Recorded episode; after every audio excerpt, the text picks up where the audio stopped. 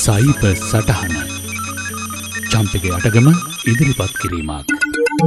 මේ දවස්වල ලෝකෙ පුරාම කතාබහට ලක් වෙලා තියෙන්නේ වටසැප් වලින් ඉවත් වෙනවාද නැත්ත කියන එක. ලංකාවෙ ඉතාම ජනප්‍රිය වෙලා තියෙන මැසේජිං පලට්ෆෝර්ම් එක වටසැප් වීම නිසා අපි දකිනව ලංකාවේ සමාජ ජාලා හරහා විශේෂම තරුණ පරපුර අතර මේ දවස්වල මේ ගැන සක්‍රිය සංවාදයක් ඇතිවෙලා තියෙනවා. බොහෝ දෙනෙක් දැනටමත් වටසැප් වලින් ඉවත් වෙන්න පටන් අර. ටෙස්ලා සහ ස්පේස් එක් අධිපති සහ මේ ඉහිය පෙරේද ජෙෆ් බේසොස් පරදවා ලොව ධනවත්ම පුද්ගලයා වුණු ඊලෝන් මස්ක් ටවිට පණවිඩයක් කරා වටසැප් වෙනුවට සිගනල් කියන ඇප් එක භාවිතා කරන්නට යෝජනා කිරීමත් එක්ක මේ ගැන තාක්ෂණික ලෝකේ ඉතා විශාල ලෙස කතාවෙන්නට පටන් ගත්තා. වටසැප් විසින් ප්‍රැස් කරන විස්තර ෆේස්බුක් වෙත ලබා දෙන බව චෝදනා කරමින් මේ වන විට ලක්ෂ ගණනින් වටසැප් ඉවත් කර ඒ වෙනුවට සිගනල් හෝ ටෙලිග්‍රම් යන ඇප් භාවිතා කරන්නට පටන් අර. මොකක්ද මේ කලපගෑනි මේ බොරුවට කලබලවීමක්ද. ඔබ ඔබගේ වටසැප් ගිනුම හදිසියම දැම් මකා දැමිය යුතුද මේ ගැන ඔබට දැන් හිතනවා ඇති. මුලින්ම අපි කරුණු හරියට තේරුම් ගම්. මොකද මේ වෙලාවේ විශේෂම ලංකාවේ තරුණ පරපුර අතර යන සංවාදවල කරුණු මත පදනම් නොවූ හිතලුත් බෙදා හැරනවා දැකලතියෙන් නිසා. මිට සතියකට විතර කලින් වටසැප් තමන්ගේ ප්‍රයිවසි පොලිසියක වෙනස් කරා. එයාලා කිව්වා යුරෝපෙන් පිට ඉන්න අයොක්කොම වටසැප් තවදුරටත් භාවිතා කරන්න ඕනි නම් ඒ අලුත් කොන්දේසි පෙබරවාරි අටවෙනිදාට කලින් පිළිගන්න ඕන කියලා. ඒ අලුත් කොන්දේසිවලට අනුව වටසැපරා ඔබ ගැන ඔවුන් එකතු කරන විස්තර ඔවුන්ගේ මව්ආයතනය වන ෆේස්බුක් එක බෙදාගන්නට ඔවුන් බලාපොරොත්තු වෙන වග පැහැතිලියොම සඳහන් වුණා. මෙය දෙබරයට ගහපු ගලක් වගේ තාක්ෂණික ලෝකේ අවුස්සන්නට හේතුුණා. එක අතකින් මේ සැකෙත් සාධාරණයි. මොකද දත්ත එකතු කිරීම ගැන ෆෙස්බුක් අයතිනට තියෙන්නේ හොඳ වාර්තාවක් නොවෙයිනි ඔබට මතක ඇතිනේ කේම්බ්‍රිච් ඇනලිටිකා සිද්ධිය. දෙදස් දා හතර වසරෙදි ඩොලර් බිලියන දහන් නමයකට වටසැප් ආයතනය ඔවුන් බිලදී ගත්තේ. බොහෝ දෙනා විශ්මයට පත් කරමින්. ඒ වෙනකොටත් එකැනි දෙදස් දොළහෙදී ඔවුන් ඉන්ස්ට්‍රග්‍රම් කියන අතිශයින් ජනප්‍රිය වෙමින් තිබූ සේවාවක් ඩොලර් බිලිනයකට අරගෙන තිබුණි. දෙදස් දාහතරෙදි මැසෙන්ජ කියන ෆෙස්බුක් ඇප් එක තුළ තිබ්බ පනිවිඩ යවන සේවාව ඔවුන් වෙනම සේවාවක් විදියට ඇප් එකෙන් එලියට ගත්තා. ඒ කාලෙදිම පැහැදිලි වුණා ෆේස්බුක් ආයතනය මේ කරන්න අහදන්නේ. සියලුම ජනප්‍රිය මැසේජිං සේවා තමන් යටතේ තියෙන තනි අශ්වයෙක් විදියට එහි ඒකාධිකාරයක් බවට පත් කරන්නට කියලා. මේ බව තවත් තහවුරු වෙන්නේ වටසැප් නිර්මාණය කිරීමට දායකි වූ දෙදෙනාම. ෆේස්බුක් අධ්‍යක්ෂක මණ්ඩලෙන් දෙදහස් දහටේදී ඉවැත්වී යෑම. තමු නිර්මාණය කළ සේවාව ෆේස්බුක් ආයතනය විසින් ඔවුන්ට ඕනෑ පරිදි විශේෂෙන්ම එහි හදවත බදු එන්ක්‍රපෂන් මොඩල් එක දුර්වල කිරීම ඔවුන්ගේ විවේචනට හේතුවී තිබුණා. දෙදස් දහට වසරේදීම ඉන්ස්ට්‍රග්‍රම් සේවාව නිර්මාණය කරපු දෙදනත් ෆෙස්බුක් ආයතනය නිවත් වෙනවා.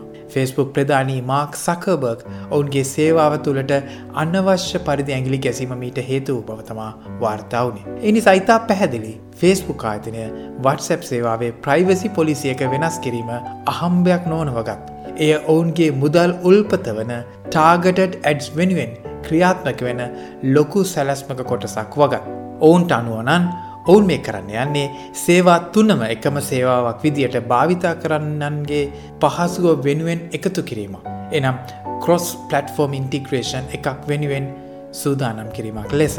එනිසා අපි දැන් තේරුම් ගමු මොනවද මේ ෆේස්බුක් ආයතනයත් එක්ක බෙදාගන්න යන විස්තර කියලා. මේ සම්බන්ධව බොහෝ සත්‍යය නොවන කරුණු සමාජගත වී තිබෙන නිසා අපි මේගෙන හරියටම තේරුම් ගන්න ඕනේ නිගමනයකට එන්න කලින්. මුලින්ම කියන්න ඕනේ වටසැප් සේවාවට අනුව අපි යවන පණවිඩ හෝ ඇමතුම් අත්තර මැදියකුට හෝ වටසැප් ආයතනටවත් කියවන්න හෝ අහන්න බැරිවිදියට එන්ක්‍රිප් කරලා තියෙන්නේ. මේකට කියන E2E එකන end-to-end encryption. ඒ අනුව ඔබේ කෙටි පණිවිඩ ඇමතුම් ආදිය WhatsAppහි මව්වා ඇතනය වන Facebook වෙත ලැබීමක් සිදුවෙන්නේ නැහැ.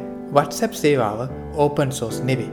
ඒ කියන්න අපිට ඒක ඇතුළ පොනට් එක ඇරලා එන්ජිම වැඩ කරන හැටි බලනෝ වගේ බලන්න බැහැ. ඔය සිගනල් ටෙරික්‍රම් වගේ මැසේජිං සේවාවන් ඕපන් සෝස්. ඒවයි එන්ක්‍රපෂන් වැඩ කරන්න අයුරු අවශ්‍යනම් කෙනෙකුට බලාගන්න පුළුවන්. නමුත් අපි දැනට විශ්වාස කරමු වටසැප් සේවාව කියන කතා.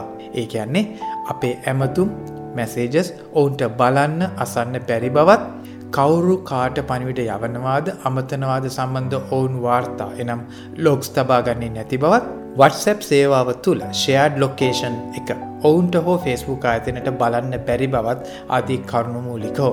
දැන් ඒ කියන්නේ මේක එහෙනම් ප්‍රශ්නයක් නැහැනේද කියලා ඔබට හිතෙන්න්න පුළුවන්. නැහැ. ඔවුන් අපි සම්බන්ධව මෙට ඩාට එකතු කරනු. ඒවා ඔබට ඕන නම් පසුබිම් තත්ත කියලා තේරුම් ගන්නකෝ. මොනවද මේ විදියට WhatsApp එකතු කරන තත්. ඩිවයි ශාස්ත්‍රිත දත්ත කිහිපයක් කියන්නම් දුරකථනය වර්ගය මෙහෙයුම් පද්ධතිය බැට්‍රිය තත්ත්වය ටයිම් සෝන් එක IP අඩ්‍රස් එක ඊට අමතරව එකොල් එකතු කරනවා ඇප් එක ආශ්‍රිතව දත්ත. ඒ කියන්නේ WhatsApp usage, status update, profile pictures, about info ආදිය. ඒකම WhatsApp හරහා ගනුදෙනු කරනවා නම් අන්න ඒ ගනුදෙනු විස්තර. අන්න ඒක නම් බොහෝ වැදගත් වෙයි Facebook ටාගට ඩැඩ්ස්වල්ට. සමහරය සඳහන් කරලා තිබුණා සියලුම කන්ටෙක්් සහ මොන ගරුප්සලද ඉන්න ආදියත් එකතු කරනවා කියලා. නමුත් WhatsApp ආයතනය මේ කලබගෑනියට පිළිතුරක් විදියට දාපු තැනක ඔවුන් නිල වශයෙන් සඳහන් කරනවා. ඔවුන් අපේ කන්ටෙක්් සහ ගරුප් විස්තර ෆස්බුක් ආතිනය සමඟ කිසිවිටක ඇඩ්ස් වෙනුවෙන් බෙදාගන්නේ නැතිවක. මෙය මේ දැවන්ත ප්‍රහාර හමුවේ ආරක්ෂාකාරිව පාදයක් පසුපසට ගැනීමක්ද කියලා පැහැදිලි නොවනත්. අපි සැකේ වාසිය දීලා ඒක එහෙමයි කියලා පිළිගමු කියලා මව යෝජනා කරන. දැන් තමයි වැදගත්ම ප්‍රශ්නය. මේ තත්ත්වය යටතේ අපි වටසැප් භාවිතය නැවතිය යුතුද. මේක නම් තමන්ගේ කැමැත්ත. විශේෂෙන් ශ්‍රී ලාංකිකයන් විදියට අපි බොහෝවිට දකින්නේ තමන්ගේ ප්‍රවිසි ගැන බොහෝ දෙනෙක් එතරම් තැකීමක් නොකරන වග. විශේෂෙන්ම තමන් යන එන තැන් කාපු බීපු තැන් මිලදී ගන්න දේවල් රුචියර්චිකමාදී මෙකී නොකී හැමදේම ෆේස්බුක් දාලා තියෙන. දැනටමත් ෆේස්බුක් මැසෙන්ජ භාවිතා කරන කෙනෙක්. එක පාර්ටම කලබල වෙලා වටසැප් එක මකලදානව නම් ඒ ඇත්තරම විහිළුව. නමුත් ෆේස්බුක් භාවිතා නොකරන අය හෝ ෆේස්බුක් කරහා තමන් සම්බන්ධ තොරතුරු පරිස්සමින් බෙදාගන්න කෙනෙක්. වැඩි ආරක්ෂා වෙනුවෙන් සහ මේ බලහත්කාරයට විරෝධයක් විදියට ඇප් එක මකනවා නම් ඒක සබුද්ධික තීරණයක්. එක් කොහොමුණ බොහෝ දෙනෙක්ට මේ වන විටත් පනිවිට හුවමාරු කිරීමට පුරුදු වෙලා තියෙන්නේ WhatsApp නම්.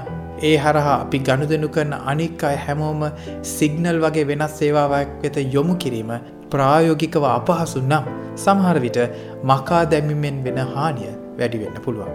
ඒ නිසා එය පැහැදිලිවම පුද්ගලික තීන්දුවක්. ඔබට සුදුසුයි කියලා හිතනදේ කරන්න මේ දැනගත් කරුණු ප්‍රයෝජනවත් වෙන්න ඇති කියලා. මා බලාපොරොත්තු වෙනවා. ඇත්තම කතාව අපේ දත්ත එකතු කිරීම සම්බන්ධව අපිට තියෙන්නේ උඩුගම් පිහිනීම් වගේ සටන. Google, Facebook තාක්ෂණික ලෝකයේ දැවන්තයන් අපි ගැන්න දන්න තරම් අපිවත් අපි ගැන දන්නේ නැහැ. මොකද අපිට දේවල් අමතක වුණත් ඔවුන්ට අමතක නොවන නිසා. අවසාන වශයෙන් කියන්න තින්නේ ඉතා ප්‍රසිද්ධ කියමන. If you are not paying for the product, you are the product. අදත් ඔබට සයිප සටහට ගෙනා මම චම්පික යටගම්. Thank you.